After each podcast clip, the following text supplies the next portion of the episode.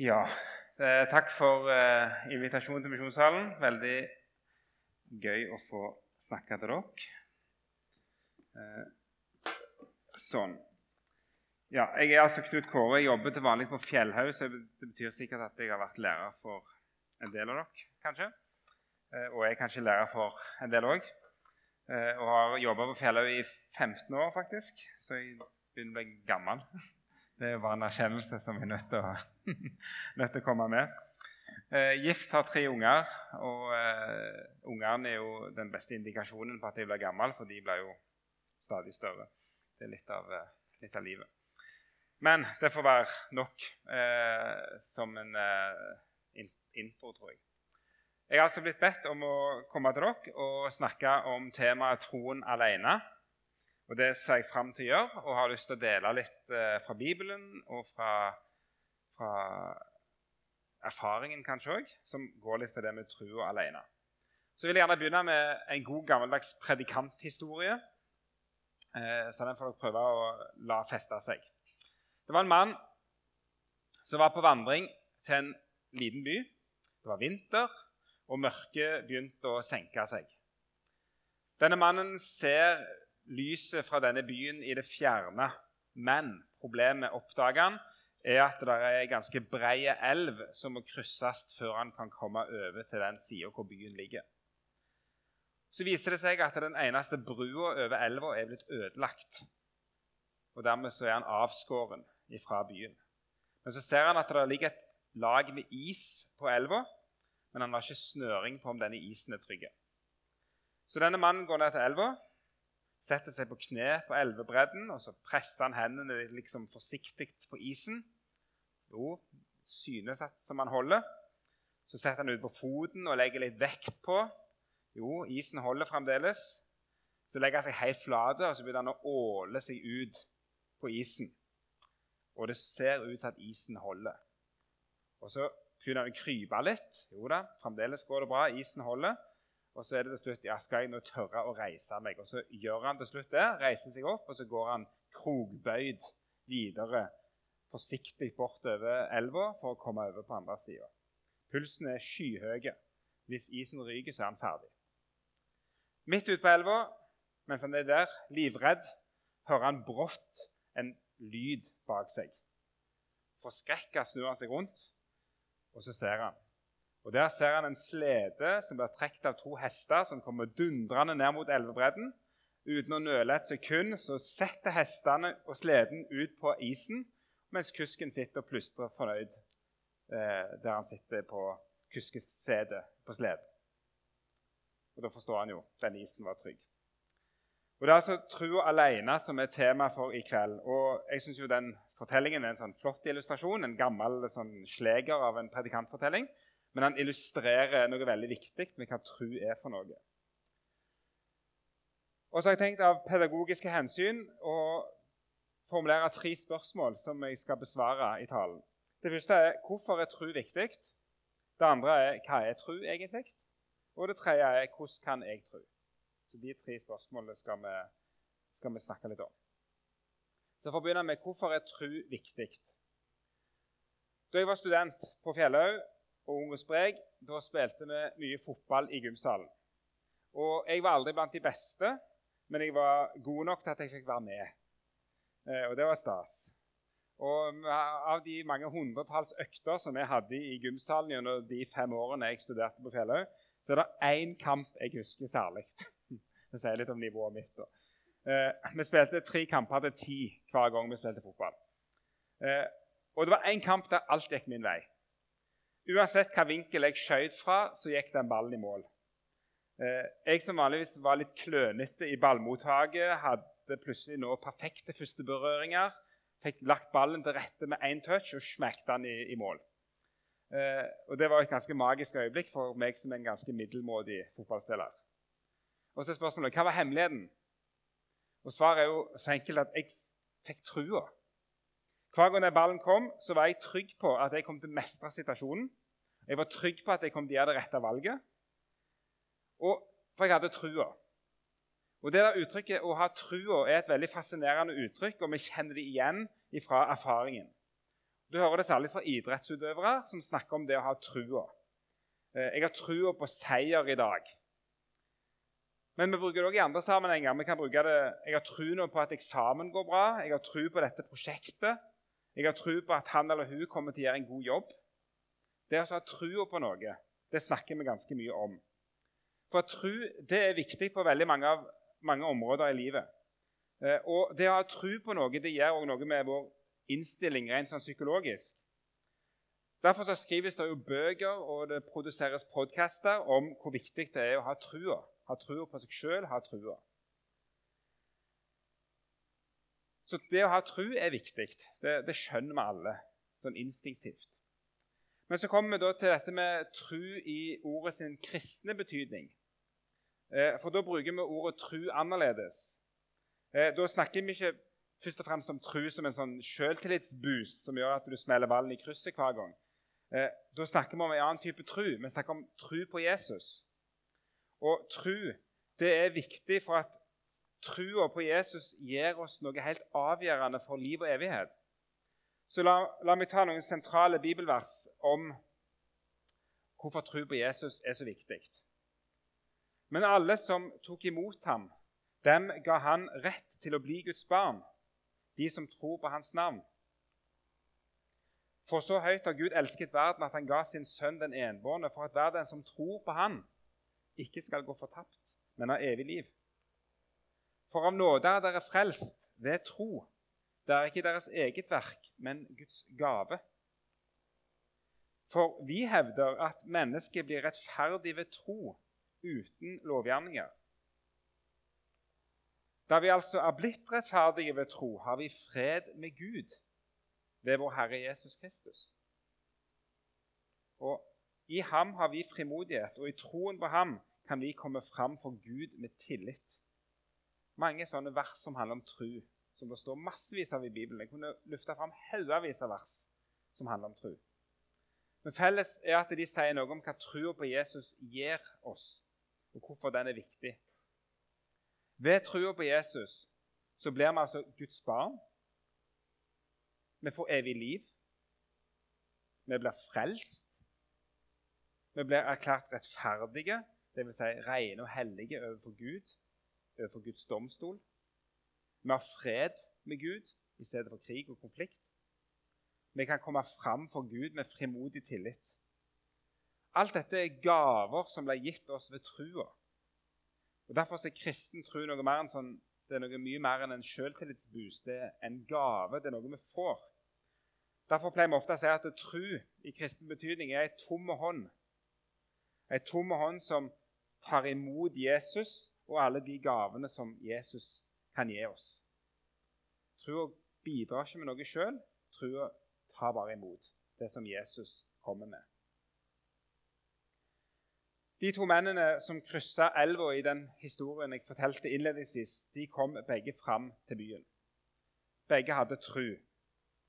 Men det var stor forskjell på trua deres. Men felles for begge to det var at det var ikke deres tru som fikk isen til å være trygge. Men trua fikk de til å gå ut på isen, og dermed så kom de fram. Så vi la det være det første vi noterer oss, at uten tru så kommer vi ikke fram til byen. Vi kommer ikke fram til det som Bibelen kaller for byen med de faste grunnvoller. Det er Jerusalem som er der oppe. Den himmelske byen, den nye jord. Målet for, for, for alt. Det evige livet med Jesus hos Gud. Uten tru så kan vi aldri komme fram der. Så blir vi frelst ved tro, men det er ikke vi som gjør noe for å gjøre isen trygg, for å holde oss i fortellingen. Så vi begynner med, Det er det første punktet. Hvorfor er tro viktig? Jo, det er viktig for at ved tro så får vi alle disse gavene. Alle disse gavene fra Gud de blir gitt oss ved trua. Og trua er den tomme hånda som tar imot gavene fra Gud. Det neste spørsmålet er hva er tro egentlig? Og Bibelen har en definisjon. Hebreabrevet 11, vers 1. Et litt vanskelig vers å oversette, et vers som kan tolkes litt forskjellig. og Vi skal ta en lite sånn dypdukk inn i det. Eh, og Jeg skal gi dere to versjoner. Første versjon av verset sier sånn eh, Troen er et pant på det vi håper, et bevis for det vi ikke ser. Versjon 2. Men tro er full visshet om det en håper, overbevisning om ting en ikke ser. Legg merke til forskjellen. Et pant på det vi håper, et bevis for det vi ikke ser. Full visshet om det en håper, overbevisning om ting en ikke ser. Og Grunnen er at det, det er et eh, det er jo dette med pant og full visshet som er ganske forskjellig. Et pant er jo et slags håndfast bevis på noe, mens visshet er jo mer en slags noe du har i hodet. En trygghet, en, en, eh, en overbevisning. Men, og Grunnen er at det er selvfølgelig et eh, gresk ord som ligger til grunn her, som har litt forskjellige betydninger. Men det er et ord som bærer i seg at noe liksom trer fram og blir synlig.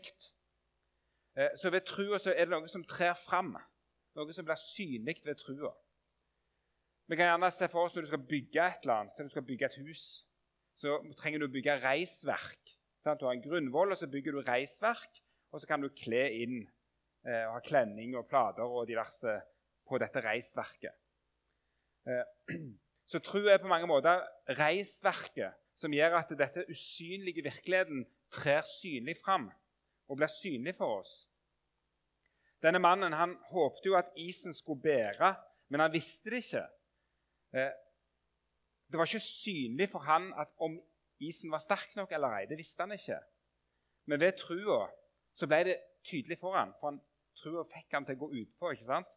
Og så ble, liksom, så ble det synlig, det, det ble forståelig for han. Det tredde fram for han som en sannhet at isen faktisk bar han. Det er ikke helt fullkommen sammenligning, men det handler litt om dette at tru det er noe som Ved tru så er det noe som blir synlig for deg. Det er noe som trer fram, noe som blir virkelig for deg. Som ikke umiddelbart var virkelig for deg. Det er, ikke noe det er litt sånn abstrakt. Men noe som du ikke helt kunne se og ta på i utgangspunktet. Ved tro så blir det liksom reelt for deg. Og, og du, du, du liksom får en fornemmelse av at det er faktisk ekte. Det er faktisk virkelig, dette her.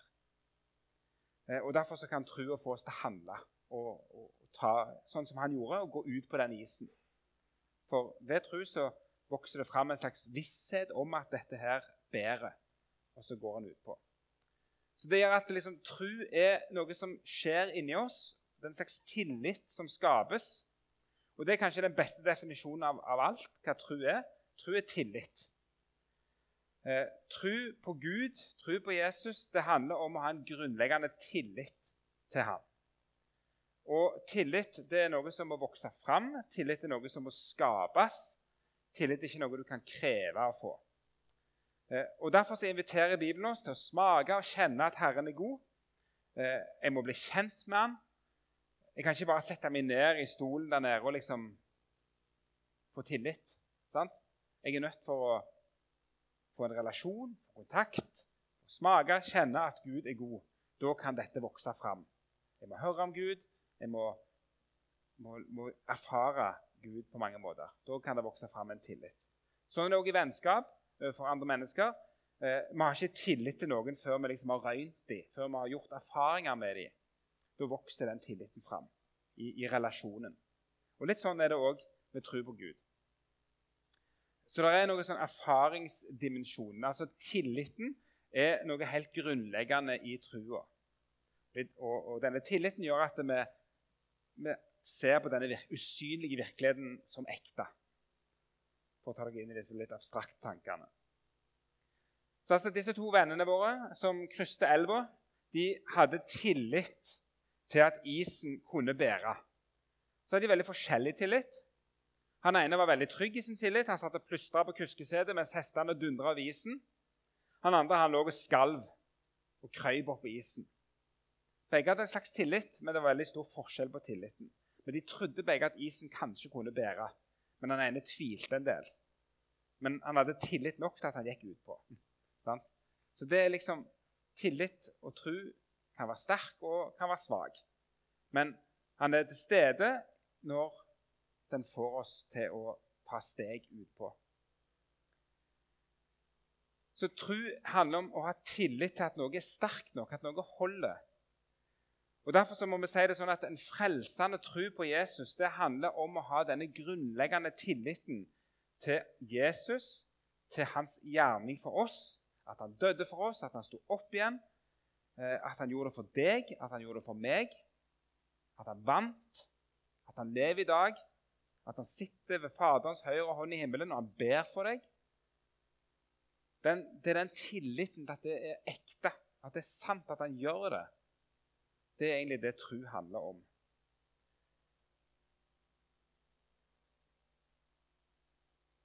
Og så var det et poeng at eh, de to mennene som krysset isen eh, Deres tro kunne ikke påvirke isen. Det var ikke trua som bar de over, men det var isen som bar de over. Og Da kommer jeg gjerne til det aller viktigste jeg vil si til deg i dag. Nemlig at eh, ja, du blir frelst ved tro alene. Og så er det samtidig en sannhet som må modifiseres litt. For det er til sjuende og sist kun Jesus som kan frelse. Det er Jesus du trenger. Trua er bare den tomme hånda som tar imot Jesus. Men uten Jesus kan du tro på sant? Kan du liksom ha så mye tro du vil på et eller annet. Men trua må være retta i rett retning. Det må være en tro på Jesus. Det er Jesus som er denne isen som bærer. Og det som er greia er at De og min tro kan ikke gjøre noe med det. Vi kan ikke påvirke hvor stødig og stabil Jesus er. Du kan ikke produsere Jesus sterkere. Du kan ikke ved din tru gjøre Jesus sterkere. Jesus er Jesus, og det han har gjort, har han gjort. Og Det gjorde han for 2000 år siden, og da var ikke du der. Det er banalt, men det er sant. Du var ikke der. Jesus sitt frelsesverk skjedde ut forbi oss. Det skjedde ut forbi deg, det skjedde ut forbi meg. Det skjedde til og med ut forbi Peter, Johannes og Maria og alle de andre som satt rundt korset der. De kunne ikke gjøre noe som helst. De satt der, de grein, var redde og fortvila. Jesus hang der. De kunne ikke gjøre noe ting. Det var han som gjorde det, ikke de, ikke du. Så frelsesverket har skjedd helt og fullt uten din og min påvirkning. Det er ingenting vi har gjort for det. Og det er ingenting vi kan gjøre for å gjøre det bedre, ingenting vi kan gjøre for å gjøre det dårligere. Det har skjedd. Det er fullbrakt, sa Jesus.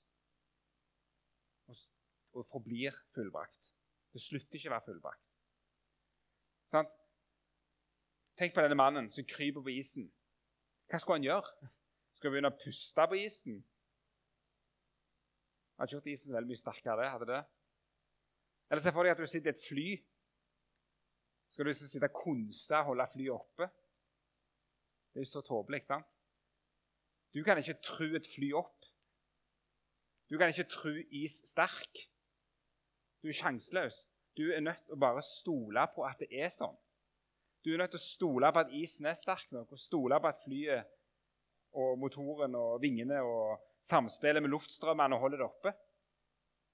Du kan ikke produsere at flyet er oppe. Noen tror at de kan, sitte, at de, liksom, de kan påvirke sånn. Men, kanskje de har en følelse av kontroll, men du har ikke kontroll. Det er helt ut forbi deg sjøl. Sånn er det òg med Guds frelse. Det er helt ut forbi deg sjøl. Det er ingenting som du kan gjøre for å påvirke det. Det er fullbrakt allerede. Derfor sier Bibelen at dere er frelst av nåde ved tro, som jeg leste i stad. Det, det, det er ikke deres eget verk. Det er en Guds gave. Det er ikke ditt og mitt verk, det er Guds gave. Så får vi det, og vi får lov å ta imot det i tro, men det er ikke vi som bidrar.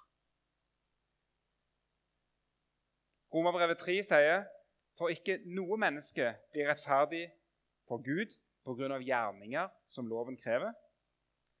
Ved loven, med Guds bud, lærer vi synden å kjenne. Men nå er Guds rettferdighet, som loven og profetene vitner om, blitt åpenbart uavhengig av loven. Dette er Guds rettferdighet som ble gitt ved trua på Jesus Kristus til alle som tror. Det er ingen forskjell. Det er Guds rettferdighet. Det er Guds gave. Det er Han som har gjort det. Så det er gitt til deg. Og så er trua den tomme hånda som får lov å ta imot. Så våre bidrag er helt utelukka. Vi kan ikke forbedre Jesu frelsesverk like, like lite som jeg ved tankekraft kan holde et fly opp i lufta. Tru er til sjuende og sist en tillit. En tillit til at Jesus er nok, at Jesus bærer, at han er sterk nok, og det er en gave som blir gitt deg fra Gud. Derfor er tro først og fremst en indre sak. Det er et hjertets tillit, sier vi. Det er ikke noe vi styrer over og har makt over i nevneverdig grad. Det er noe som må vokse fram eh, og produseres inni oss. Og så betyr ikke det at kristen tro bare handler om følelser, for det gjør det ikke. Kristen tro er ikke følelser frikobla fra vett og forstand. Eh, så vi skal ha med ei side av TV-trua, så jeg får være med på den òg. Nå har jeg altså sagt at Tro er først og fremst tillit. Tillit til at det er godt nok. At Jesus er godt, god nok og sterk nok. Og at hans gjerning er, er god nok. Men så er det da sånn at uh, den kristne trua har òg en sånn intellektuell side. En tankemessig side, noe vi skal forstå, og det har et trosinnhold, sier vi. To bibelvers. Første er fra Johannes 8. Jesus som snakker til sine motstandere, og så sier han For hvis dere ikke tror at jeg er, skal dere dø i deres synder, sier han til dem. Hvis dere ikke tror at jeg er, skal dere dø i deres synder. Det var det første. Og så er det et vers fra Hebreabrevet. Uten tro er det umulig å være til glede for Gud. Den som trer fram til Gud, må tro at han er til, og at han lønner dem som søker ham.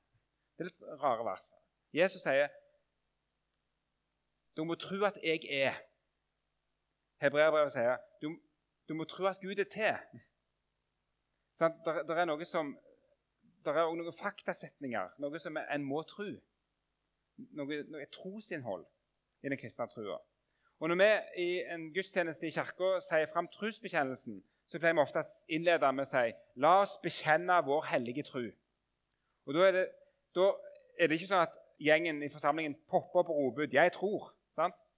Dere skal ha vært, i, hørt, vært nok ganger og sagt fram trosbekjennelsen til at dere vet at det er ikke sånn at vi roper i munnen hverandre 'Jeg tror'. Eh, men når vi bekjenner vår hellige tro, så sier vi en haug med faktasetninger. Vi sier en del faktasetninger om Gud, en del faktasetninger om Jesus og en del faktasetninger om Den hellige ånd. Jeg tror på Gud Fader, den allmektige himmelens jordens skaper. Vi sier fram et trus innhold.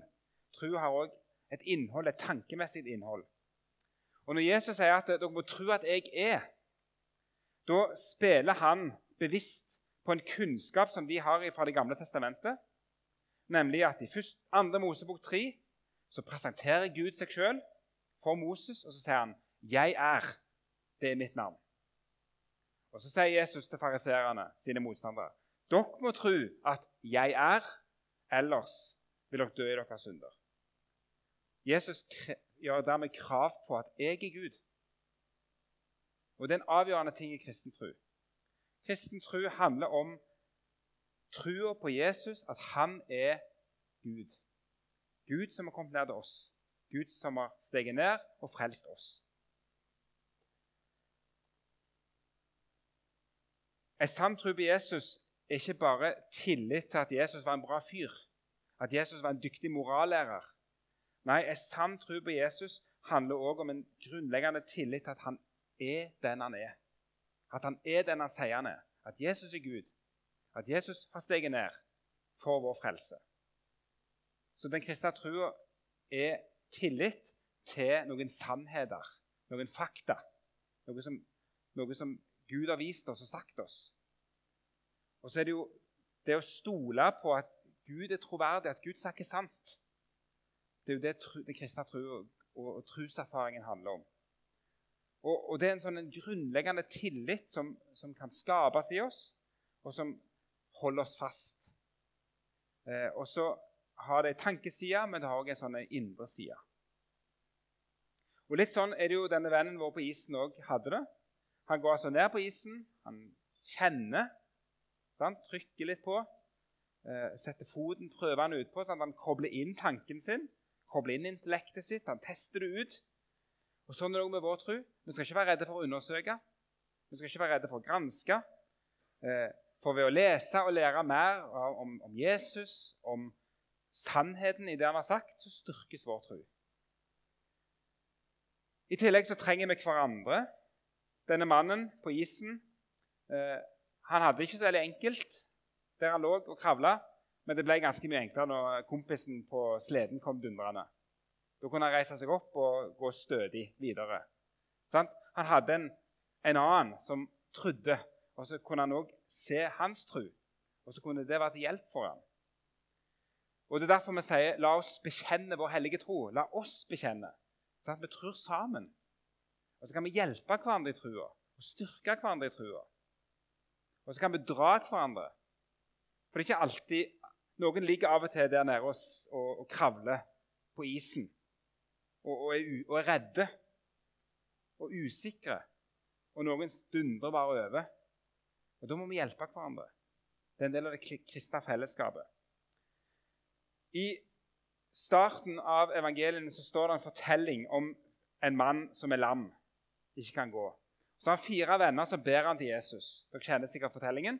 De lager hull i taket, og firer mann er ned foran Jesus, og Jesus helbreder han og tilgir han hans synder og gjør et stort under. Det som er interessant, er at i Bibelen så står det Da Jesus så deres tro, sier han til mannen.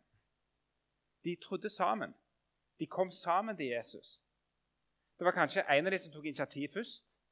Fikk de andre med seg så kom de sammen. De trodde sammen, de var i lag om dette her. Da Jesus så deres tro, så Tro er noe vi gjør sammen, og vi kan hjelpe hverandre i trua.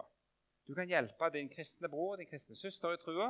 Du kan hjelpe å styrke trua til din, eh, til din kristne bror og søster. Så altså tru. Hva er tru? Jo, tru er tillit. Tru har et innhold. Det er tillit til at noe bestemt er sant. Det som Gud har sagt om seg sjøl, det som Jesus har sagt om seg sjøl.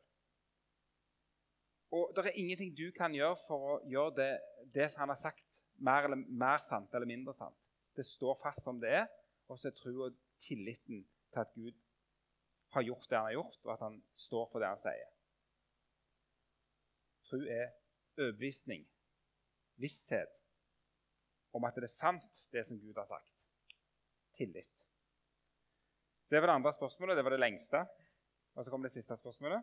Hvordan kan jeg tro? Hvordan kan jeg tro? Og Da skal jeg provosere dere litt og svare med en provokasjon. For du kan ikke tro.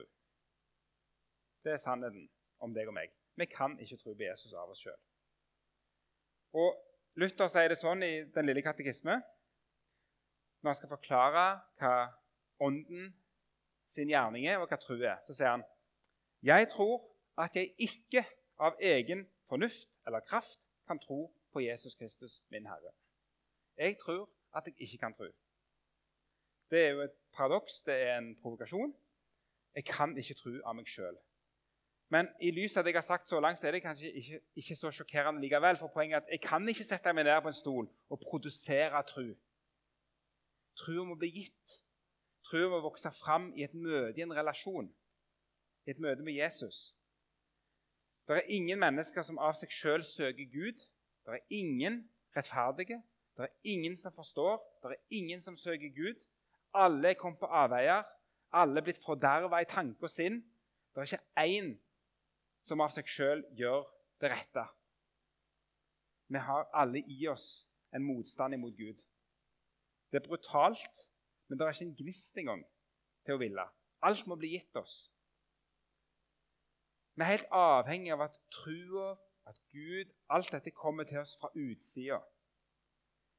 Du kan stå foran speilet og synge 'I'm unstoppable today', og du kan bli gira og liksom være klar for en eksamen eller hva som helst, og det får en boost. Men du kan ikke produsere tro på Jesus av deg sjøl. Det må bli gitt deg. Jeg tror at jeg ikke kan tro. Men, skriver Luther videre i katekismen, den hellige ånd har kalt meg ved evangeliet. Han har opplyst meg, han har helliggjort meg og holdt meg fast i den sanne tro. Sånn er det vi tror om trua.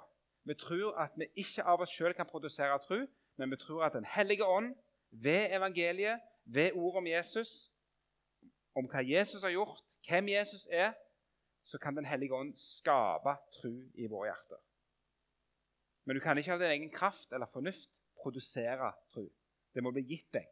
Gud må komme, og Gud må gjøre noe i livet ditt. Gud må skape. Du trenger å høre evangeliet om Jesus. At han døde for deg, at han sto opp for deg, at han sitter i himmelen og ber for deg, at han elsker deg og vil ha med deg å gjøre. Du trenger å høre det på nytt og på nytt og på nytt. Og så kan Ånden bruke det til å produsere, skape tillit til at det faktisk er sant. Og at det kan tre fram for deg som en ting du faktisk tror er sant. Og så bruker Gud det til å forandre livet ditt. Når vi snakker om det å komme til tro, så må vi altså erkjenne at Gud er den som gjør alt. Og hvis Gud ikke får lov til å gjøre alt, så blir du ikke frelst. Det er så alvorlig. Gud må få lov til å gjøre alt. Han må få komme til deg. Så det du skal vite er at Hvis du kjenner i ditt liv at du blir dreven til Jesus, det er noe i deg som vil ha med Jesus å gjøre, så kan du være trygg på at det faktisk er Gud som gjør det. Det er Ånden som jobber i deg. Det er Han som gjør at du både vil og, og kan. Det er Ånden som produserer det. Så hvis du kjenner inni deg jeg vil virkelig ha med Jesus å gjøre, så skal du være trygg på at det er Åndens gjerning i livet ditt. Den hellige ånd gjør det. Han skaper den lysten. Han skaper den tilliten i deg. Og Ånden han er heldigvis veldig konkret. og Derfor så vil jeg slutte med å være litt konkret, eller avslutte med å være litt konkret. Eh, for hva kan du gjøre for å få mer tro? Eller for å få tro i det hele tatt? Vel, du kan ikke produsere tro sjøl. Du er nødt til å bli gitt truen, trua. Det er Den hellige ånd som må gjøre det for deg. Men hva kan du gjøre for å styrke sjansen for at Ånden får gode arbeidsvilkår i livet ditt. Det skal være det siste jeg sier noe om.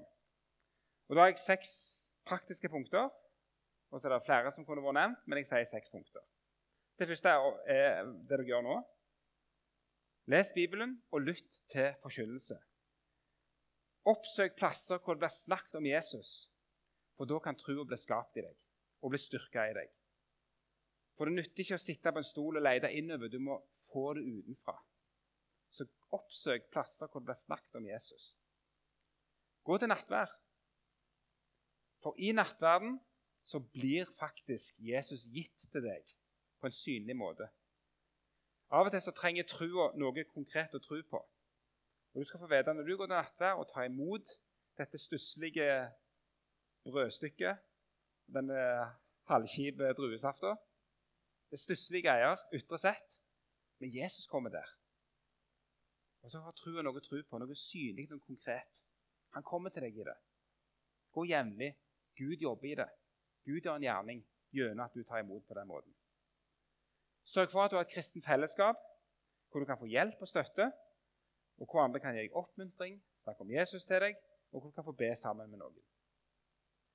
Syng sammen sanger om Jesus, Syng om Jesus sin godhet. Syng om det Jesus har gjort for deg. Så vokser det fram. Da har Ånden gode arbeidsvilkår i livet ditt. Da har han ord som man kan bruke på hjertet ditt.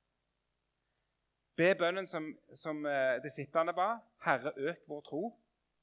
Be gode Jesus, kom inn i livet mitt. Jeg vil tro på deg. Be konkret. Det er bønn Gud er glad for. Bekjenn trua. Si til andre at du tror på Jesus. Si at han er din Herre, din Gud. Si det til deg sjøl. Forkynn til deg sjøl. Jeg tror på Jesus. Han er min. Finn fram trosbekjennelsen og si han høyt til deg sjøl, om så skal være. Alt dette er med å bidra til at Den hellige ånd får bedre arbeidsvilkår. Og så er det veldig sånn praktisk. Men, det gjør at Ånden kan gjøre sin gjerning på en enda bedre måte. Ånden kan gjøre utrolige ting uten at du liksom forventer det i hele tatt. Men du kan likevel styrke arbeidsvilkårene til Ånden. Og Du kan gjøre det bl.a. med disse tingene her. Så kom til Jesus.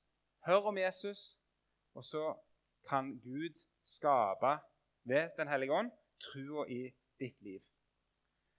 Så med det så skal vi gå over i den delen av talen som kalles for refleksjonsdel. Det kommer nå noen spørsmål på veggen. Og Da kan dere sitte sammen og kan tenke, snakke sammen eh, og tenke over hva nytt lærte jeg i dag. Hva betyr det at det er det som er styrken i troen, ikke troa sjøl, men det er den jeg tror på? Og hvordan kan jeg gi mer rom for ord om Jesus i mitt liv?